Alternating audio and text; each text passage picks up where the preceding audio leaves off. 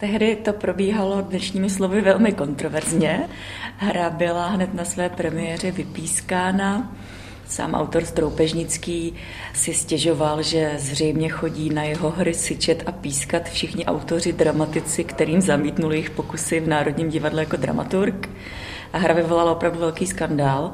Dobová kritika napadala text, protože údajně se na jevišti dějí surovosti, sedláci mlátí pěstmi do stolu a ukazují se krutosti lidského chování a jednání. Nad tím se už dnes asi málo kdo pozastaví.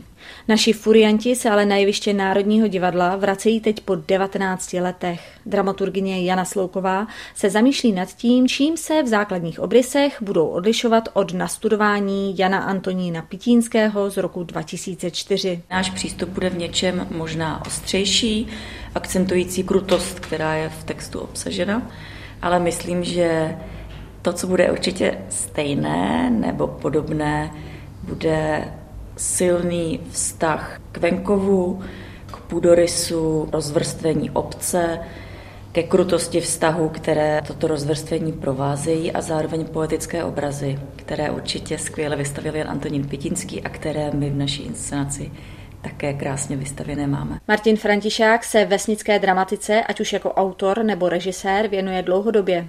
Důvěrně zná venkovské prostředí a tradičně ho reflektuje s ironií, symbolicky, poetickým jazykem. Přesto pro něj prý nebylo snadné vpravit se do stroupežnického textu. Situace a postavy, kterých je ve hře navíc velké množství, jsou napsány, jak sám říká, s až kamennou přesností. Naši furianti nejsou hrou, bych řekl, až tak jako rurální, ve smyslu toho lirického tónu. Ten venkovský, řekněme, lirický tón v té hře rozhodně také je. To nivé, ten domov té vesnice, ale je to hra také o politice té vsi. Úsměvná, krutě úsměvná hra o tom, jaké jsou charaktery našich radních a našich vládnoucích elit, potažmo, v tomto případě venkovských vládnoucích elit, prvního radního starosty a jejich žen.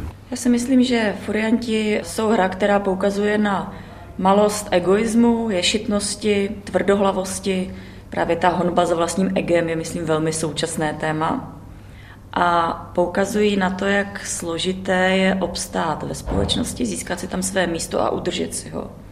A směrem k dnešku je také velmi silné téma toho, jak jednoduché je manipulovat s veřejným míněním. Charaktery jednotlivých postav vyjadřují, bych řekl, naši až archetypální zkušenost s politikou.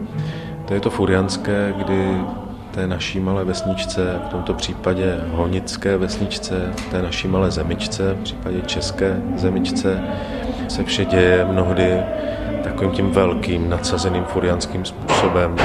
Mnohdy se drobné problémy řeší s razancí, nepatřičnou až groteskní. Tento aspekt je podle režiséra divákům dobře srozumitelný. Ani jazyk, který podle Františáka nabývá dnes už jisté formy nářečí, nebylo prý potřeba aktualizovat.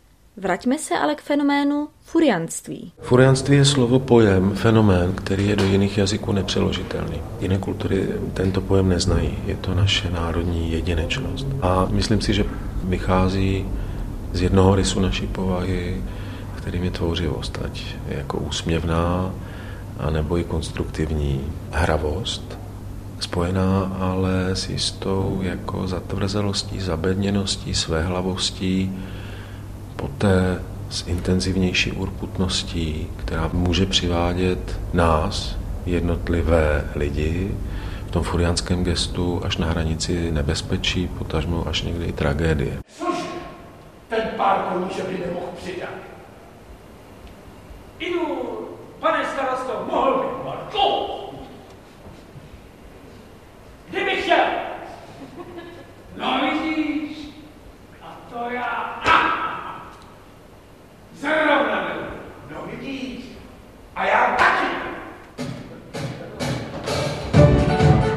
V ukázce jsme slyšeli, jak se k tradici příchylný starosta Dubský při diskuzi o věnu prolamuje právě do furianské polohy. Jeho interpret David Matásek k tomu říká. Pak mu taky bouchnou saze a stane se z něj ten furiant. Jako jak celou dobu se v tomu brání a ukládá to do sebe a nechá si nadávat a svý rodině nechá nadávat tak najednou to prostě v něm bouchne a ty dopady jsou daleko horší než u těch lidí, kteří jsou spíš takový italové, mají krátký doutnák a jde to z nich hned na první. Mít důstojnost, být považován za čestného a dobrého člověka, ten strach ze zahambení, z toho, že mi někdo důstojnost a čestné a důstojné postavení ve vsi nebo v obci nebo v zemi nedovolí, boj za svoji suverenitu, řekněme, za svoji osobnost, možná i za svobodu v podobě drobné funkce ponocného, v symbolické podobě.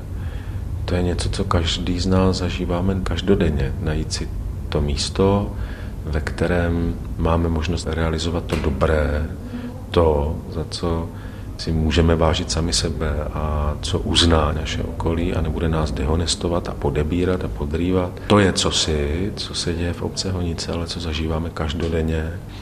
A Stroupežnický tu horu vytvořil takovým způsobem, že je to absolutně aktuální.